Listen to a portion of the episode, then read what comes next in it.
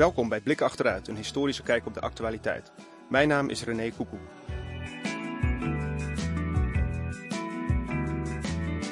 In november 2013 verscheen er in Vrij Nederland een stevig artikel van journalist en historica Annelot Hoek.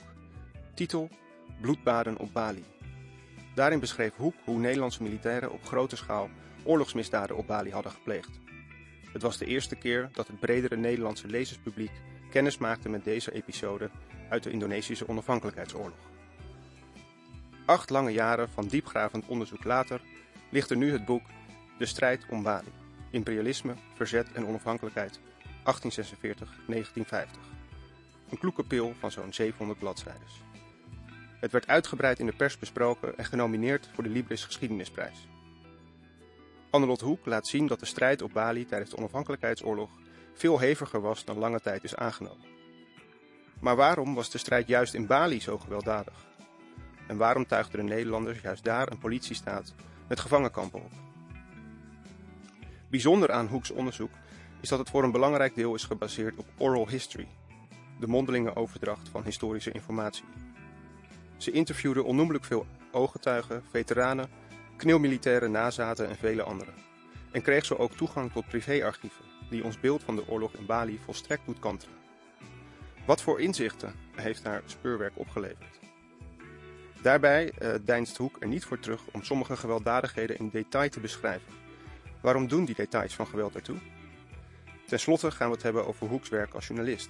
Ze heeft diverse, zeer kritische stukken geschreven over de omgang in Nederland met het koloniale oorlogsverleden. Nederlandse historici, hele instituten keken er lange tijd van weg. Waarom en hoe gebeurde dat? En hoe werkte dat wegkijken en verzwijgen? En hoe staat het er nu voor? Uh, samen met mij aan tafel zit Annelien de Dijn, hoogleraar politieke geschiedenis aan de Universiteit Utrecht. Uh, welkom Annelien. Hi. En natuurlijk onze gast vandaag, Annelot Hoek. Welkom bij uh, Blik Achteruit. Dankjewel. Um, ik wilde eigenlijk beginnen met de vraag waarom Bali? Want in vergelijking met, met bijvoorbeeld Java, Borneo, Sumatra, andere grote eilanden is Bali eigenlijk vrij klein. Er wonen nu zo'n 4,5 miljoen inwoners en rond 1945, 46 zo'n anderhalf miljoen inwoners. Uh, voor veel mensen zal het vooral de associatie oproepen met een tropisch vakantieoord. En eerlijk gezegd bij mij ook, totdat ik je boek las. Dus hoe kwam je er eigenlijk bij om juist dit eiland centraal te stellen in je onderzoek en het boek dat daaruit is voortgekomen? Ja, dat is, aan de ene kant is het echt een toevalligheid toevalligheidskwestie geweest. Um, dat eerste artikel waar je net naar refereert, dat is geschreven op basis van foto's die ik had ontdekt van een veteraan die uh, op Bali had gevochten. En ik had daarvoor toevallig net een wereldreis afgesloten op Bali in 2011. En uh, ik had toen al heel sterk het gevoel van, ja, Nederland heeft een hele belangrijke geschiedenis met Indonesië, maar ik weet er eigenlijk ontzettend weinig vanaf, terwijl ik wel geschiedenis heb gestudeerd. En ik had er een beetje een ongemakkelijk gevoel bij. En toen ik terugkwam diezelfde maand was er net die grote rechtszaak tegen de Nederlandse staat van de weduwe van Rawagade die toen in hun voordeel is uh, uitgepakt. En de compensatie hebben die weduwe gekregen en excuses van de Nederlandse staat. En dat was voor mij het moment dat ik dacht, dit onderwerp is gewoon veel groter dan we, dan we hebben aangenomen. En, en ik vond het heel erg dat ik daar dus als geschiedenisstudent ontzettend weinig van af wist. Terwijl ik ook nog eens altijd al heel erg geïnteresseerd was geweest vanaf uh, mijn vroege jeugd in dit soort onderwerpen. En uh, dus toen ik die foto's zag bij die veteraan, toen had ik meteen een soort moment van dat je zo'n soort klik voelt met het onderwerp. En dat ik dacht, ja, dit, hier wil ik eigenlijk meer van weten. En ik denk dat Bali, ja, precies, omdat het natuurlijk voor zoveel mensen in Nederland heeft, hebben mensen dat beeld van dat paradijselijke eiland. Uh, en ik zelf natuurlijk ook. Ik was er ooit met mijn moeder op vakantie al geweest toen ik nog jonger was.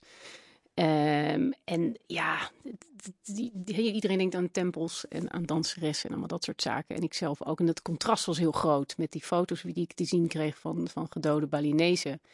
Dus dat was voor mij toen een, een hele belangrijke vraag van wat is er op die foto's te zien. En dat, dat zag die veteraan ook zo. Die wilde het aan het eind van zijn leven eigenlijk nog eens een keer uitgezocht hebben. Want hij was zelf niet direct betrokken geweest bij de strijd. dus ik nam het eigenlijk min of meer op me om dat dan uit te gaan zoeken. Uh, en op dat moment wist ik nog helemaal niet welke rol Bali speelde in dat onafhankelijkheidsconflict. En dat bleek achteraf een hele, ja, toch handige keuze te zijn geweest. Omdat die revolutie, uh, wat we daarover weten, is toch heel veel gericht op Java. Um, ja, de meeste boeken ook. En um, ja, Bali, daar, daar weten we gewoon ontzettend weinig vanaf. Dus het was een, een, een, uh, voor mij een hele interessante casus in die zin. Ook omdat bleek dat Bali een belangrijk onderdeel speelde in de hele federale deelstatenpolitiek die Nederland uh, vanaf 1945 heeft gevoerd. Want Oost-Indonesië was eigenlijk veel belangrijker dan we tot nu toe hebben aangenomen. En dat was wel ja, bij mij op dat moment ook helemaal niet bekend. Dus het was een soort min of meer een gelukkig uitgepakte toevalstreffer. Ja, want Bali was dus lange tijd, werd door historici gezien als van nou, dat was een, een, een, een, een zijtoneel ja. in het grotere schouwspel. Maar eigenlijk betoog jij in je boek van nee, Bali was eigenlijk juist heel belangrijk. Ja, het was belangrijk omdat het onderdeel uitmaakte van Oost-Indonesië. En uh, ja, de, de, de autoriteiten van Nederlands-Indië, van Nederlands-Indië bestond niet meer, maar de, de, van Mook in 1945, die had al heel snel in de gaten van wij kunnen Java niet meer bezetten. Dat wordt gewoon heel moeilijk. Uh, dus ze richten zich veel meer op Oost-Indonesië, omdat daar veel meer kansen lagen voor de Nederlanders om toch nog macht te behouden. En Van Mook en zijn uh, ambtenaren hebben dus een strategie bedacht, de federale opzet, om de archipel in delen op te delen van verschillende staten, waarbij ze druk tegenwicht zouden kunnen uh, uh, uitoefenen op de Republiek van Sukarno.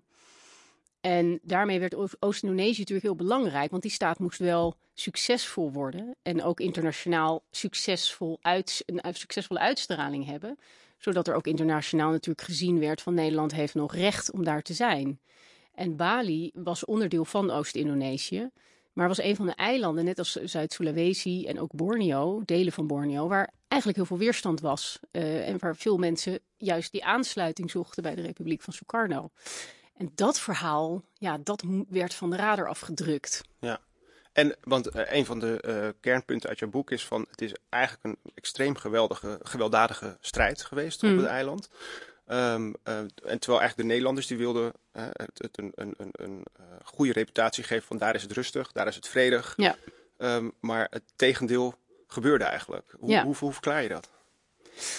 Ja, dat is natuurlijk de, de moeilijke vraag. Er zitten meerdere verklaringen in. Een van de belangrijkste bij mij is dus gebleken die, die decolonisatiepolitiek. Um, wat nog niet zoveel in de wetenschappelijke literatuur is gebeurd, is dat er echt heel goed gekeken is naar het geweld op de grond en hoe dat in relatie staat tot die grotere politiek. En dat heb ik heel systematisch gedaan. Dus gekeken van welke belangrijke vergaderingen zijn er geweest om die deelstaat Oost-Indonesië op te richten. En wat gebeurde er op de grond? En als je heel goed gaat kijken naar, naar, die, naar die politieke verhoudingen en steeds die, die echo van geweld op de grond, dan ga je zien dat er natuurlijk een relatie uh, zit. Uh, ja, het meest duidelijk wordt dat op het moment dat die staat opgericht moest worden, dat was in december uh, 46, dan zie je dat, die, uh, dat dat Nederlandse knil, die gaan op dat moment de grootste verzetsleider en zijn groepen gaan ze ja, min of meer liquideren. En daar zit natuurlijk heel duidelijk een, een, een, uh, een, een, verband met die oprichting van die deelstaat. En vlak voor zijn dood was net het akkoord van Linggadjati uh, afgesproken met de Republiek van Sukarno.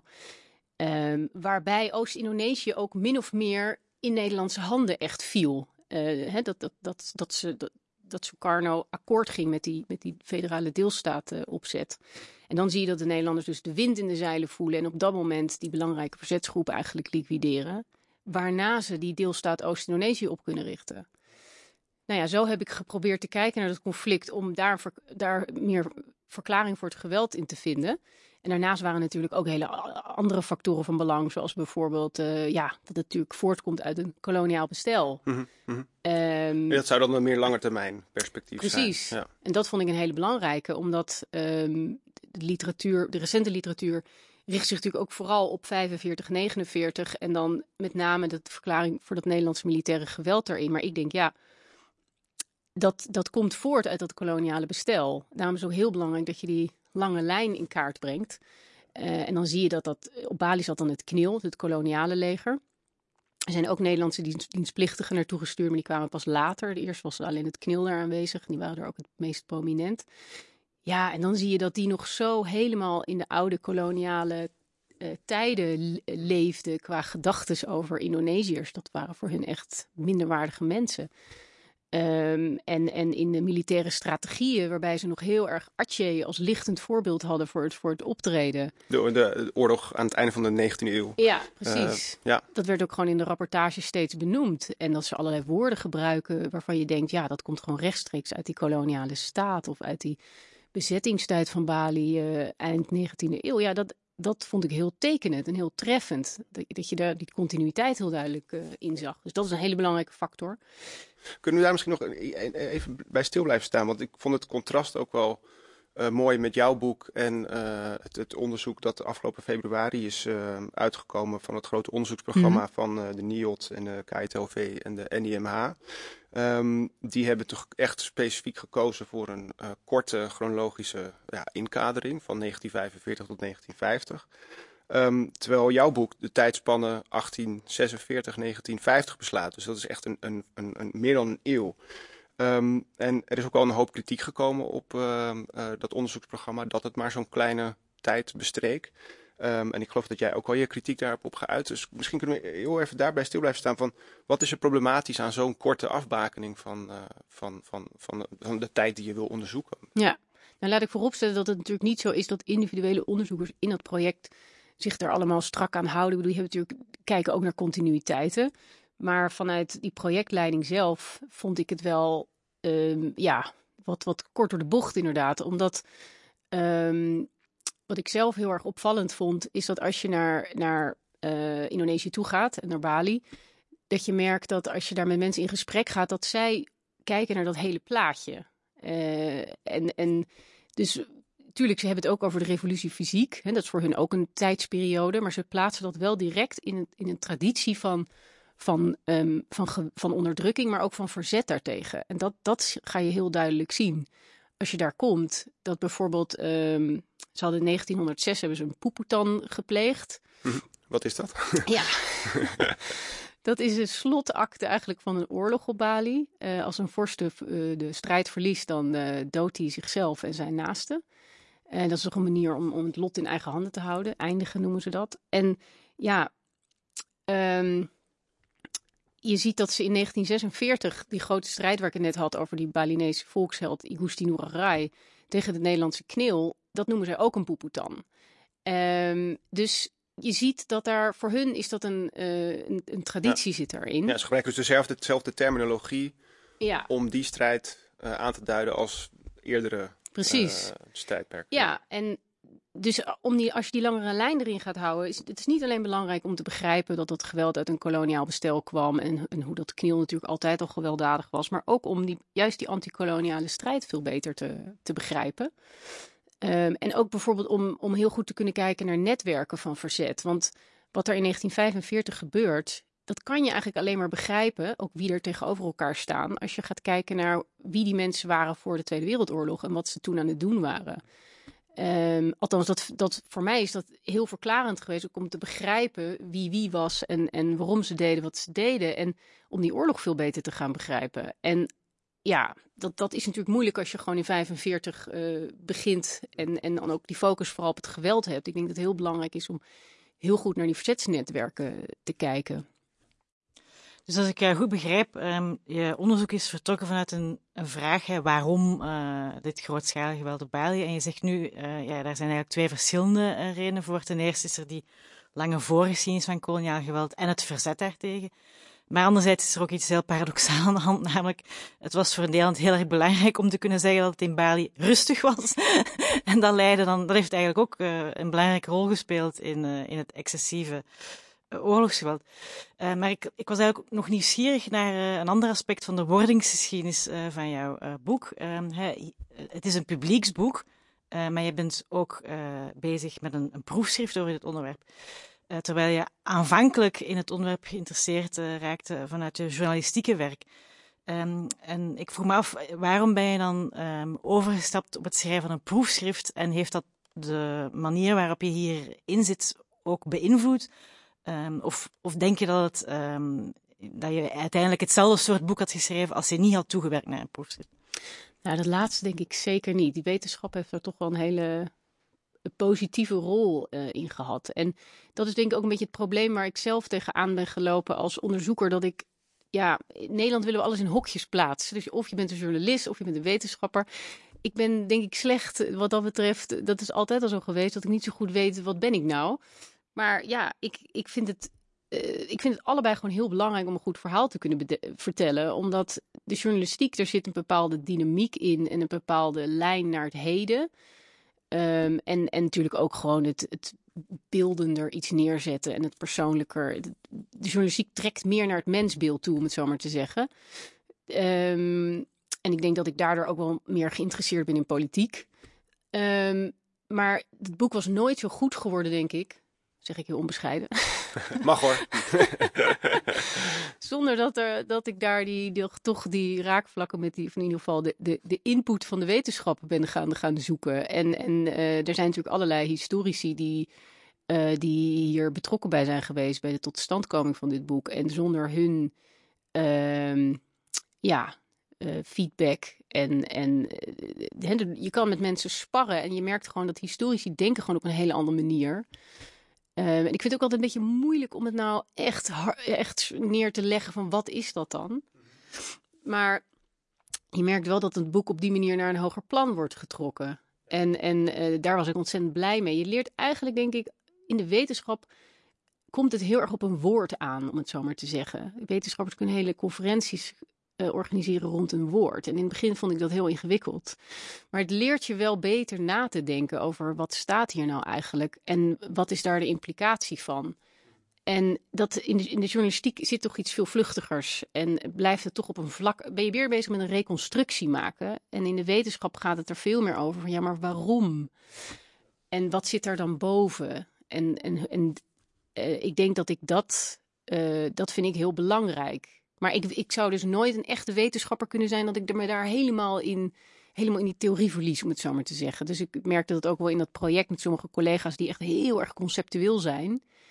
Uh, dat is ontzettend leuk om mee samen te werken, omdat die, ik weet niks van die concepten en zij begrijpen niet helemaal wat ik aan het doen ben. Maar als je met elkaar in gesprek gaat, denk je eigenlijk zijn we met hetzelfde bezig. En juist die kruisbestuiving is ontzettend interessant.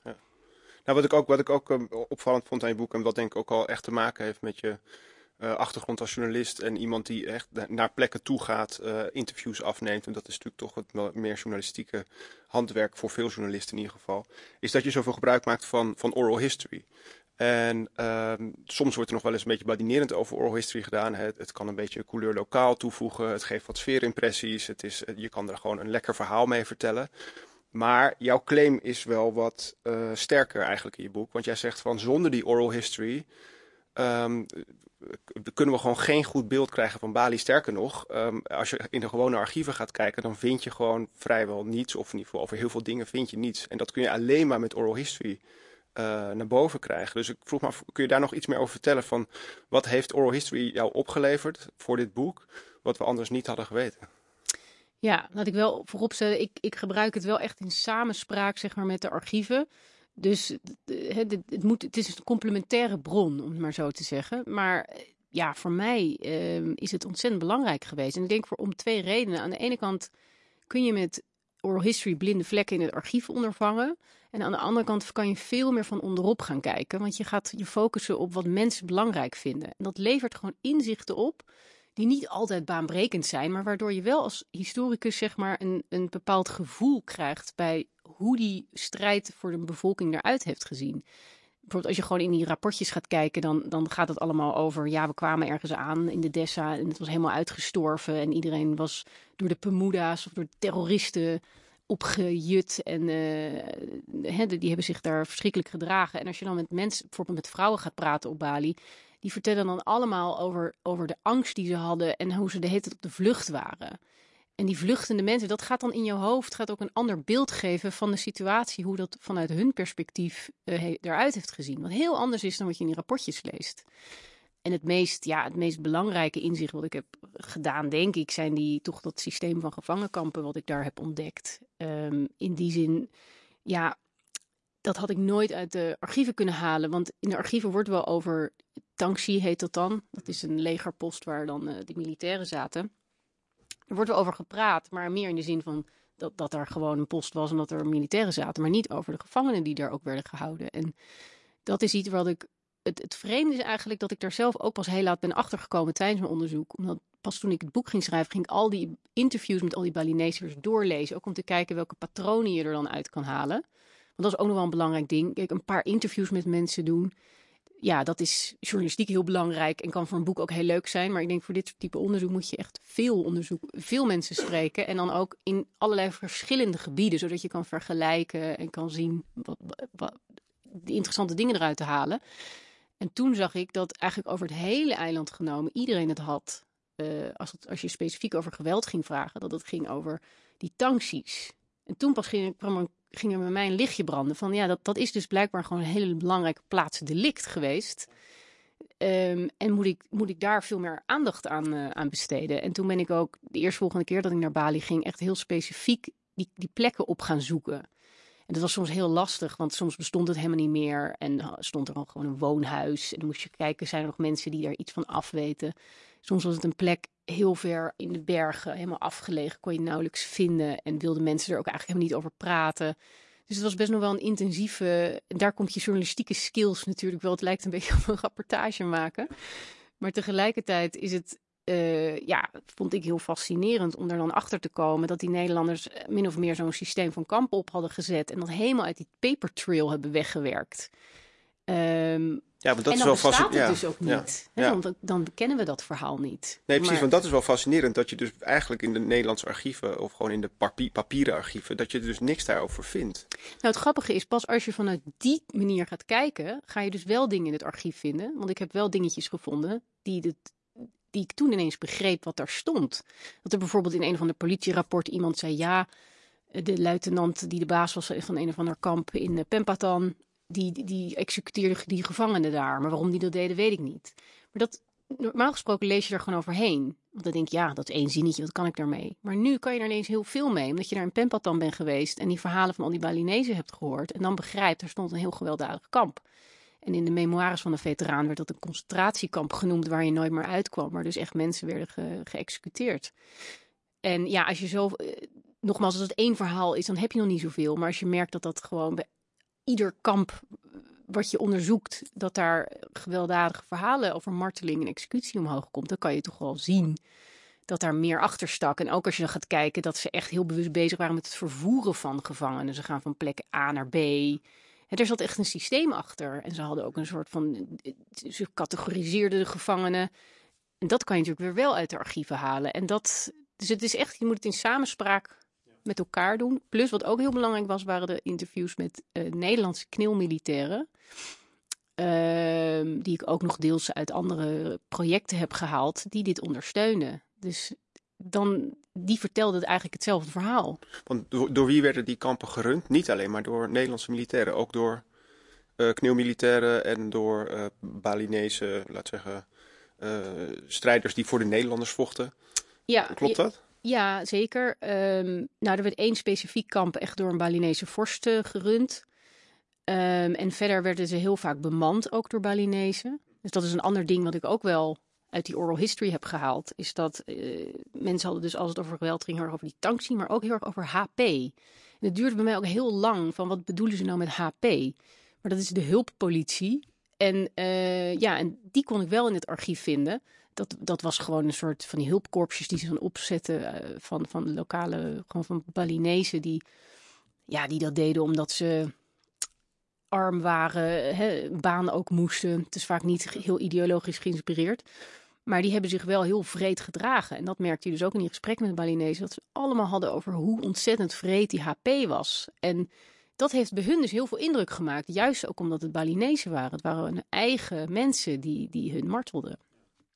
Um, ik wil even naar het uh, volgende thema, namelijk details van geweld. Want uh, we hebben het nu gehad over die tankjes en over die kampen en hoe gewelddadig het daar was. En um, mijn maag draaide af en toe wel om bij het lezen van sommige bladzijden uh, van je boek. Um, uh, van de beschrijvingen die je bood van het geweld. En ik wil even één kleine quote uit je boek ja. voorlezen. Uit, uit hoofdstuk 9 over de gevangenkampen. En daarin breng je Gusti Ngura Pinda um, ten tonele, een Balinese verzetstrijder als ik het goed heb. En um, uit zijn memoires komen, komen de volgende, komt de volgende beschrijving. Pinda beschreef, of omschreef hoe HP'ers gevangenen in de afgeleverde Tangsi Tulangampiang aan de buitenranden van Denpasar, dat is de uh, hoofdstad in het zuiden van Bali, op een metalen uiteinde van een stroomdraad lieten bijten, waardoor hun tanden door de schok uit hun mond werden geschoten, wat tot grote hilariteit bij de uitvoerders leidde. Ze werden met één voet aan een auto gebonden, waarna de auto hard wegreed. HP'ers staken explosieven in melkbussen aan die aan de nek van gevangenen waren gebonden. Een TKR-sergeant was op handen en voeten boven een vuurtje gezet, waardoor zijn borst kookte als een gebraden varkenshuid. Een ander was bewerkt met satéprikkers. Een strijder wiens haar in brand was gezet, kampte blijvend met mentale problematiek, zo schreef de veteraan. En veruit de meerderheid van de gevangenen overleefde het volgens hem niet. En um, in jouw inleiding refereer je op een gegeven moment ook naar een uh, lezing die Arnold Grunberg heeft gehouden bij de dodenherdenking in 2020, waarin hij ook een gruwelijk tafereel uit een van de concentratiekampen oprakelt. En waarin hij ook zegt, de details van geweld doen ertoe. En jij zegt ook de details van geweld doen ertoe. Maar kun je dat, kun je dat toelichten? Waar, waarom doen, doen die details ertoe? Nou, om twee redenen. Omdat we denk ik het is heel erg belangrijk dat we de feiten kennen. Want als je de feiten niet kent, dan weten we ook niet waar we het over hebben. dat ook als je het hebt over hoe moeten we maatschappelijk omgaan met dit soort onderwerpen. Of of je het hebt over excuses. Je moet wel weten waar we dan precies uh, mee wat we daar precies hebben gedaan. En daarnaast is het heel belangrijk om, om de erfenis er ook van te kunnen begrijpen. En, en dat raakt weer aan, aan, aan hoe je er als maatschappij mee om moet gaan. Um, maar ook ik heb bijvoorbeeld in mijn boek nog een, um, een hoofdstuk over reflecties op deze, op deze hele periode. En dan gaat het ook heel erg over wat het voor mensen persoonlijk heeft betekend, uh, dit geweld. En, maar ook voor bijvoorbeeld Bali. En, en uh, hè, want wij zijn in 49 weggegaan. Maar de strijd was daar niet ten einde. Dat, dat ging door. Um, dus ook om te begrijpen wat daarna allemaal gebeurde. En, en um, is het zo belangrijk dat je, dat je, dat je heel goed in kaart brengt wat, wat dat hele koloniale systeem heeft behelst. En wat de feiten precies zijn. Ik denk dat we ook als Nederlandse maatschappij anders nooit gaan begrijpen waarom dit belangrijk is en waarom we dit moeten weten, waarom we dit ook een plek moeten geven en onderdeel moeten laten zijn van onze geschiedenis. Um, en ik denk dat daarom dit soort type onderzoek ook gewoon ontzettend belangrijk is. Want ja, we hadden het daarvoor altijd over, ja, het was hè, die oorlog politionele acties. En het was allemaal heel erg. Maar dat, dat zegt ons niks. Daardoor kunnen we het denk ik nooit vastpakken. En, en als je zo dit soort. Het gaat niet alleen over geweld, het gaat ook over verzet. Maar als je dat goed in beeld gaat brengen, dan krijg je veel meer draagvlak ook, denk ik, in de samenleving. Om dit breder een, een betere plek te geven. Ook in ons onderwijs. Ja, um, dat brengt ons bij uh, een onderwerp dat ik zelf heel interessant vind. Uh, hoe herinneren we ons uh, ja, dingen uit het verleden en in het bijzonder ja, hoe herinneren we ons dingen zoals de onafhankelijkheidsoorlog van Indonesië of in het geval van, de, van mijn eigen land, hè, het Belgische koloniale verleden.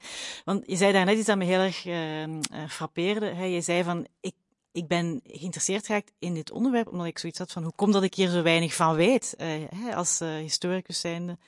Uh, en als iemand die een interesse heeft in, in, in, ja, in, in, mijn, in het verleden van Nederland, maar ik vermoed ook in breder zin in koloniale geschiedenis. Ja. En ik heb mezelf die vraag ook al wel eens gesteld. Um, op een gegeven moment, ik was toen nog een stuk jonger, was ik in de Verenigde Staten aan de, aan, uh, aan de praat met een collega historicus en die begon tegen mij over de geschiedenis van Congo. En ik besefte dat ik daar eigenlijk niks van wist. Um, en dan um, onlangs heb ik nog eens uh, met een aantal collega's daarover gepraat. Ik heb ook natuurlijk geschiedenis gestudeerd uh, aan de KU Leuven in België.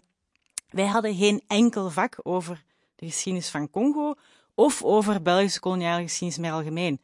En ik ja, nu zie je dat er echt wel een kentering in is gekomen. Maar waarom heeft dit zo lang geduurd? Um, en welke rol hebben historici daarbij gespeeld? En welke rol hebben historici, ja, minstens een passieve rol, want er was blijkbaar niemand aan de KU Leuven die dit een interessant genoeg onderwerp vond om aan te bieden. Um, en ik vermoed dat er in Nederland uh, een gelijkaardig soort uh, ja, desinteresse onder historici um, was in de eigen koloniale geschiedenis. Maar dus ja, hoe, hoe heb je daar ideeën over hoe, hoe komt het dat er zo lang over werd gezwegen en hoe komt het dat daar nu blijkbaar dan toch wel iets in, aan het veranderen is? En waarom dan nu? Uh, dat... Ja. want als je het gaat vergelijken met de herinneringscultuur aan Wereldoorlog 2, dan zie je dat dit proces toch een stuk later op gang pas is gekomen. Ja, ja um, hele goede vraag. Ik denk zelf dat het dus heel erg veel te maken heeft met, um, ja, ik heb daar ooit een stuk over geschreven in de NRC Handelsblad in 2016. En dat ging dan specifiek over, uh, over ja, de, generatie van Kees Vasseur, de, de, de opsteller van de excessennota. Um, wat ik zelf heel, heel treffend vond toen ik met het onderwerp aan de slag ging, dat was dus in 2012, dat, dat ik ook onder historici een soort van een soort moeheid rond dit onderwerp uh, heb ervaren. En dat was natuurlijk, zij, zij waren natuurlijk wat ouder en hadden al heel lang in, hadden natuurlijk van alles voorbij zien komen. Elke keer kwam er weer een of ander grote ophef rond een, iets op een bloedbad. En dat appte dan ook gewoon zo weer weg. En ze hadden natuurlijk wel allerlei discussies gehad in de jaren tachtig. En, en met allemaal ophef rond bijvoorbeeld Lou de Jong. Uh, historicus die dan het woord oorlogsmisdrijf wilde gebruiken. En dat moest schrappen onder druk van de veteranenlobby. Nou, dat hadden zij natuurlijk allemaal meegemaakt. Dus, en dan komt er weer zo'n een of ander uh, onderzoekertje zoals ik... die dan opeens denkt dat dit uh, heel interessant is. Die denkt, ja, dat hebben we allemaal al gezien. dat weten we allemaal wel. En toch een soort moeheid. Weet je, er zat geen, er zat geen. Ze dachten ook allemaal: dit wordt nooit wat. Dit gaat nooit, er komt nooit onderzoek. Het komt niet van de grond. Politiek wil het niet. En dat merkte je ook onder journalisten. Ik kreeg eigenlijk van iedereen een deur zo in, in mijn gezicht. Van, weet je, je, je trekt aan een dood paard eigenlijk. Dat was een beetje het gevoel uh, wat ik er toen bij kreeg. En ja, waarom, waarom was dat zo? Ja, net zoals ik al noemde, er, er hebben gewoon allerlei uh, ja, debatten al gespeeld. En het heeft allemaal op niks uitgelopen. En dat heeft te maken met dat er heel lang in de Nederlandse maatschappij totaal geen interesse voor was. Maar ook gewoon echt vanuit veteranenlobby's en vanuit de politiek natuurlijk ook. werd die deur gewoon ontzettend hard dichtgehouden. Die wilde daar helemaal niet aan. En wat mij opvallend, wat ik heel erg opvallend vond, is dat.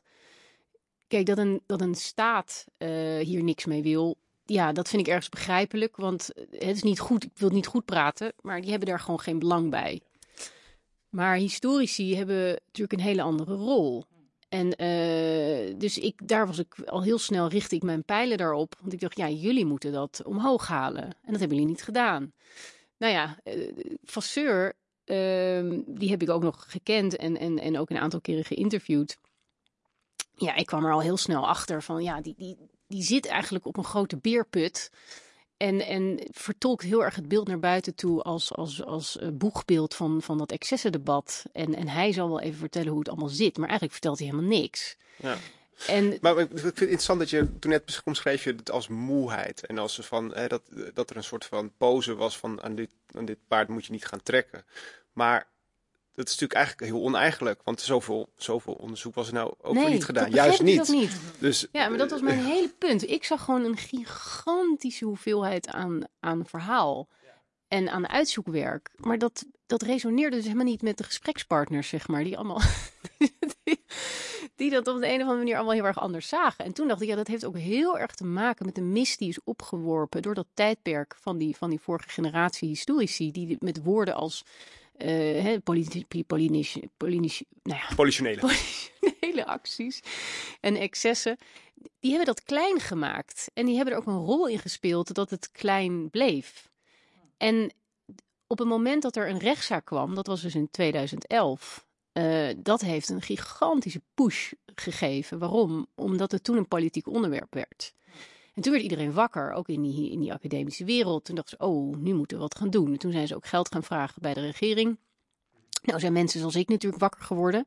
En kwam er dus veel meer beweging. En ik denk dat, dat die beweging is gewoon, die, die gaan aanzwellen. En ondertussen waren natuurlijk ook andere gesprekken in de, in de maatschappij die steeds sterker worden. Over racisme, uh, over Zwarte Piet. Weet je, het heeft er, er ontstond een soort momentum voor dit, voor dit uh, verleden en voor deze onderwerpen. En nou ja, Um, en ik denk dat dat, dat, dat is een opbouw geweest. Uh, maar ik denk dat die rechtszaak van 2011 daar heel betekenisvol in is geweest. En dat het vervolgens zijn toch vooral zelfstandige onderzoekers geweest.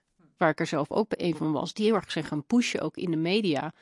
Met, met dit verhaal. En dan wordt het op een gegeven moment ongemakkelijk voor, voor politici. En uh, toen uiteindelijk kwam Remy Limpach, uh, historicus vanuit de Universiteit Bern, met, met een dik proefschrift Ja, en toen, toen stond het ineens wel, wel uh, op de kaart. En ik denk dat dat. Ja, het is een dat opbouw is, geweest. Ja, dat vind ik ook opvallend, uh, want ook daar zie ik een parallel met de uh, verwerking van het koloniale verleden in België. Hè. Ook daar werd bijvoorbeeld de hele problematiek van de regering van Leopold II echt op de kaart gezet door dan een Amerikaanse historicus, ook weer een, een iemand hè, die van buiten kwam. Ja. Denk je dat dat belangrijk is, dat er, uh, dat er mensen zijn die van buiten de eigen gemeenschap komen? En waarom, zien, ja, waarom is het dan voor hen makkelijker om daar uh, helderheid in te brengen dan, dan, voor, dan voor mensen die in Nederland uh, actief zijn? Ja, ik denk dat je er dan gewoon met een frissere blik naar kijkt. Veel onbevangener in staat. En uh, dat, dat geldt voor mensen van buiten dat historische establishment, zoals ik zelf. Maar inderdaad, die Remy Limpach is dat begonnen in Bern. Inmiddels werkt hij voor het NIMH. Maar daar, toen hij met dit proefschrift bezig was, deed hij dat echt uit, helemaal buiten de context van dat maatschappelijke debat in Nederland. En ik denk dat als je in dat historische establishment zit, ja, ik denk dat die cultuur die zo iemand als Kees van heeft neergezet, en het wordt heel erg op hem geprojecteerd. Is niet helemaal eerlijk. Het is natuurlijk een breder, bredere eh, situatie. Ik denk dat dat wel heel erg heeft doorgewerkt, ook in die generatie daaronder. En uh, dat het voor die mensen dus ook gewoon geen onderwerp was. En dat het aan de ene kant zou je het kunnen zeggen een gebrek aan uh, academische interesse erin. Aan de andere kant denk ik dat er ook gewoon toch een soort zweem omheen hing van dat is politiek. En daar moeten wij ons als historici niet mee bemoeien. En dat is natuurlijk een totale verkeerde eh, situatie geweest. Maar het is denk ik ook als, als de vooraanstaande hoogleraar op dit gebied van de Universiteit Leiden zegt van nou joh, uh, tegen een promovendus van ah, joh, hier zit geen brood in. Doe dit maar niet, want uh, alles is toch al gezegd. of of de, de, de, archieven zijn niet goed toegankelijk, of wat dan ook. En, en daarnaast, je kan er ook geen carrière meer maken. Nou ja, dan kan, dan kan ik me wel voorstellen dat je als promovendus denkt van nou ja, weet jij veel, dan ga ik het maar niet doen. Dan ga ik wel wat anders doen. Terwijl dat is het. de buitenstaander die heeft gewoon ook niet zo'n afhankelijkheidsrelatie met, met die poortwachters. Klopt. Uh, zoals Vasseur, maar ook anderen natuurlijk. Ja, ja. dat is het precies. Ja. Maar zou je zeggen dat die poortwachters um, uh, weerspiegelen wat er in de Nederlandse maatschappij leeft? Of vind je, zou je zeggen dat hun rol actiever was in het uh, wegdrukken van, ja, um, van, van het doen van onderzoek naar dit verleden?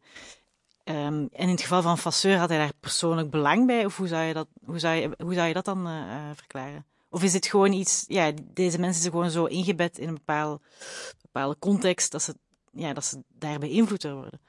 Nou, ik denk dat Vasseur zelf, als je gewoon echt gaat bestuderen, zijn, zijn, zijn, zijn wandelgangen, zeg maar, dan zie je wel dat hij echt heel dicht op die politiek zat. En dat hij heel erg bewust die militaire en politieke elite heeft beschermd dat kan je echt wel zien. Um, dus ja, dat is natuurlijk een beetje het, het, interessante, maar ook het, ingewikkelde van waar ligt, dat, waar ligt die grens? En, en er zit een soort, toch ergens een, een soort schemergebied tussen die wetenschap en de politiek. En dat zijn vooral leidinggevende, uh, ja, historici management, hoge managementposities die zich daarin bewegen. En dan is de vraag van ja, hoe gaan ze daarmee om? En in het geval van Vasseur kan je toch wel zien dat daar uh, ja, belangen hebben gespeeld. En kijk, waarom hij dat precies heeft gedaan, dat is natuurlijk heel moeilijk te achterhalen. Um, maar hij was in principe een ambitieuze iemand die ook uh, jurist was bij de overheid. En ik denk dat hij dat in die tijd was het ook heel normaal, denk ik, om, om, uh, om bepaalde, ja, als je op zo'n positie zat, om bepaalde elitegroepen te beschermen hierin en bepaalde gevoeligheden uit de weg te gaan. Om, om ook vooral ook geen, geen rotzooi te trappen. Dat denk ik wel, ja. Omdat je dan toch in een soort politieke sfeer terechtkomt waar, waar, waar men uh, ja, niet, niet aan wilde. En nog één ding, en dan houden we ook misschien op over Vasseur. Hoor. Maar wat ik echt fascinerend vond, uh, ook in dat stuk wat jij schreef in de NRC in 2016, was dat hij in zijn memoires op een gegeven moment zegt van iets in de trant van ja, eigenlijk iedereen wist het. Ja. Dus, dus uh, terug met terugwerkende kracht kijkt hij toch terug van. Ja, maar als, als ik nou even heel eerlijk ben, iedereen wist het eigenlijk gewoon dat er dus veel meer aan de hand was en dat er structureel geweld was. Ik, toen, viel, toen, dacht ik, toen viel ik wel een beetje van mijn stoel. Ja. Want, dat, dat je eerst hè, tientallen jaren lang er in, in zalvende termen over spreekt en dan uiteindelijk in memoires toch gewoon toegeeft van, nou ja, hoe, Wat was jouw reactie daarop? Nou ja, daar zie je weer in dat hij dat die, dat die zijn macht heel erg uh, op, op, op, hè, op stra om strategische redenen op een bepaalde manier inzet. En, uh, en dat zie je hem dus de hele tijd doen. Je ziet hem de hele tijd eigenlijk een beetje mee uh, bewegen met wat er dan op dat moment in het, in het publieke debat gebeurt. Dus op, op het moment dat er een bepaald bloedbad blijkt de cijfers niet te kloppen, dan zegt ja, maar oh, dat heb ik dan een foutje gemaakt. Maar dat onderzoek voor mij is ook niet volledig. Dat zal nog beter uitgezocht moeten worden, et cetera. Terwijl hij daarvoor dan ook weer andere dingen zegt. En als toen ik langskwam, zei hij, nou, ik denk niet dat je daar nog iets wat, nog wat gaat vinden buiten mijn excessennota om. Dus hij bewoog heel erg mee. En op het moment dat er zo'n dat hij niet meer terug kon, uh, je moest hij daar natuurlijk iets, iets over zeggen. En dan zegt hij dit. Ja, en dan voel je je inderdaad, denk je, ja, maar waarom, waarom kom je daar dan nu mee op deze manier? Ja. laten we even naar het nu gaan, want het is inmiddels natuurlijk wel, wel veel veranderd. Ik bedoel, um, natuurlijk het, het, het, het, grote onderzoeksrapport van afgelopen februari, van uh, het grote project van die drie instituten. Het boek van Limpach, jouw boek, Revolutie van David van Rijbroek. Um, uh, in het Rijksmuseum was er een grote tentoonstelling. Het is, het is, in vergelijking met twintig jaar geleden is de situatie echt geheel anders. Um, en uh, zelfs de regering heeft natuurlijk, of het kabinet heeft zijn excuses aangeboden. En ik vond het interessant, want jij zat bij het radioprogramma OVT en daar zei jij van ja, die excuses, dat was toch eigenlijk een beetje een soort van snelle afhechtingsoperatie. Um, wat bedoelt je daarmee? ja, ik vond dat excuses veel te snel. Althans, het kwam echt een paar uur nadat die resultaten van het onderzoek uh, naar buiten kwamen. En het was ook echt een, Dus er was helemaal geen ruimte gecreëerd voor enige reflectie erop vanuit de maatschappij, of vanuit Indonesië. En, en het was, het was alsof die soort zoals een persconferentie aan het afdraaien was. Dat kwam op mij helemaal niet over als een oprechte verzoeningspoging met wie dan ook. Uh, en dat vond, ik, dat vond ik een gemiste kans. En ik vond het daarnaast ook um, ja, inhoudelijk vond ik het gewoon een, een slecht. Nou ja, slecht is niet helemaal het goede woord. En excuses vind ik altijd toch een stap vooruit. Maar ik vind wel dat hij daar te weinig recht heeft gedaan aan, aan, aan deze geschiedenis. Door um, zich toch heel erg te richten weer op die periode 45-49. Weer dat hele koloniale verleden eigenlijk links te laten liggen. Um, en hij heeft een excuses aangeboden voor extreem structureel extreem geweld. Wat direct natuurlijk voortvloeide uit, de conclusies van dat project. Ja, daar, daar was ik het ook niet mee eens. Omdat ik denk, ja, kijk, dat die historici dat zo neerzetten. Dat is dan één ding. Maar ik vind dat dat, dat Rutte niet van de plicht ontslaat om, om dat wel als misdaden te benoemen. Um, en dat wordt dan weer ontweken, terwijl die hele discussie al vanaf 69 over en rond oorlogsmisdaden gaat. En dan zie je dat ze daar dus nu weer een politieke beslissing maken die, die voor hun gunstig is. En, en dat uit de weg gaan, dat vond ik wel, uh, ja. Ja, ik vond, ik vond ook die excuses en in die zin wel uh, continuïteit vertonen met de, de omgang met het, het koloniale oorlogsverleden in de decennia daarvoor. In die zin van dat het, het was echt een beetje zo, oké, okay, let's get it over with. Hè? Ja. De, de, het project is geweest, nu kunnen we het achter ons laten, nu gaan we verder. Het was wel een beetje een verlaten echo van wat er eigenlijk in die periode daarvoor ook gewoon was. Ja. Van, we moeten dit nu gewoon echt achter ons laten en vooruit gaan. Ja, terwijl eigenlijk als, je, als het gaat over um, het belang van, van, van de details van geweld, gaat dat ook over het voorkomen van herhalen, uh, van herhaling daarvan. En als we niet onder ogen willen zien dat wij ook misdaden hebben gepleegd, dan geven we een heel verkeerd beeld af uh, aan de Nederlandse samenleving. En zeggen we eigenlijk van ja, andere landen doen dat wel en wij doen dat niet. Um, en dat vond ik. Er is dus niet echt een nieuwe stap gezet. Want in principe heeft de koning die heeft excuses gemaakt voor buitensporig geweld. Rutte had nu gewoon een veel grotere stap vooruit moeten zetten, vind ik. Dat vond ik erg, erg jammer. Het was nou hup snel even dat excuses in een zaaltje en in de persconferentie. En dat was hem dan. En ze gaan nog reageren hoor, vanuit de regering op dit rapport. Maar ik, ik, ik ben er tot nu toe niet zo, niet, niet, niet zo van onder de indruk. Ja, wel, um, wat, daar misschien, nou ja, wat daar zeker en vast ook mee samenhangt, is uh, um, het feit dat in Nederland uh, de herinnering aan het koloniale verleden in het algemeen wel behoorlijk positief lijkt te zijn. Hè. Uh, uh, David van Rijbroek bijvoorbeeld verwijst in zijn boek Revolutie naar een onderzoek waaruit zou blijken dat van alle Europese landen Nederland de meest positieve herinnering heeft aan het koloniale verleden.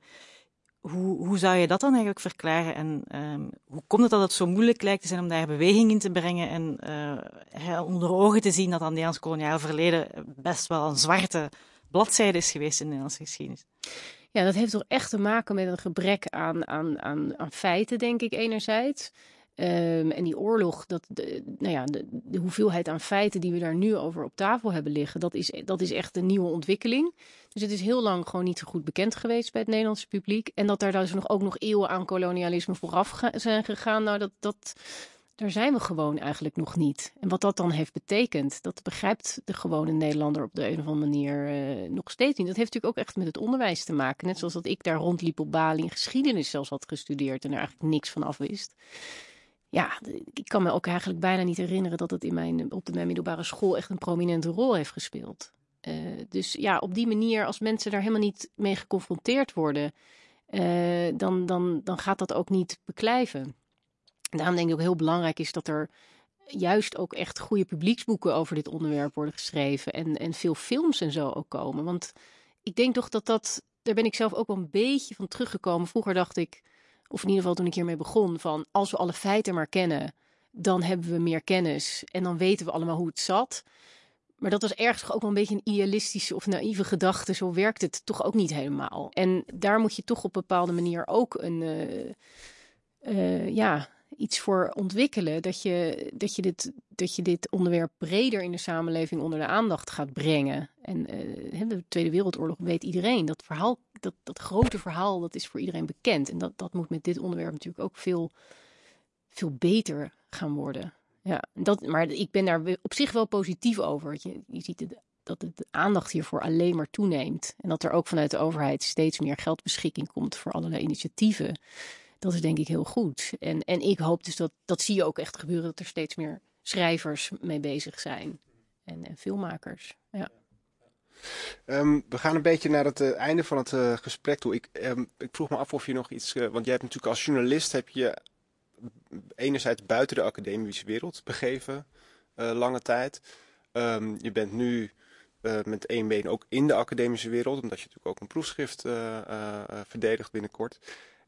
Ja, zie je, ga je je rol nu anders zien, nu je toch een klein beetje toetreedt tot het establishment van de academici? Van, valt het nog goed te combineren? Aan de ene kant de, nou, de, de, de luisterende pels en aan de andere kant toch ook een beetje... Nou, ik ben absoluut niet toegetreden tot, tot het historische establishment.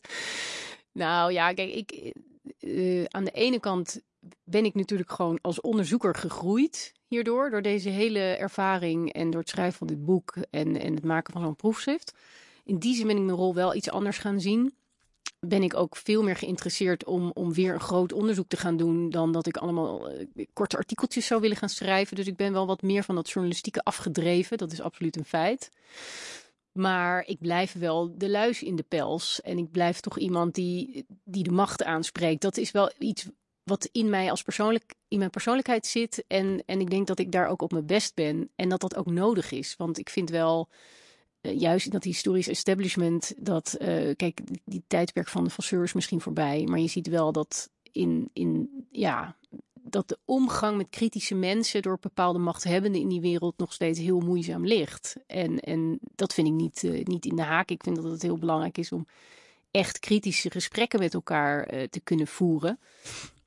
En hè, dan heb ik het niet meteen over activisten die de hele zaak willen afbreken, maar gewoon over inhoudelijk gemotiveerde mensen. Vind ik dat dat, dat dat nog echt wel een hele behoorlijke stap te maken heeft. Uh, dus in die zin zou ik nooit toe willen treden tot dat historische establishment. Dus we, we, gaan, we, gaan, nog stukken van jou blijven zien in de Vrij Nederland en de, de NRC. En de ja, op dit onderwerp zeker, ja. Nou, uh, dankjewel Annelot uh, voor jouw komst naar Blik Achteruit. Het was een heel leuk ja, gesprek. vond ik ook. Veel dank. Dankjewel Annelien. Dankjewel. Dit was uh, Blik Achteruit. Eh, wil je meer afleveringen luisteren? Ga dan naar www.blik-achteruit.nl.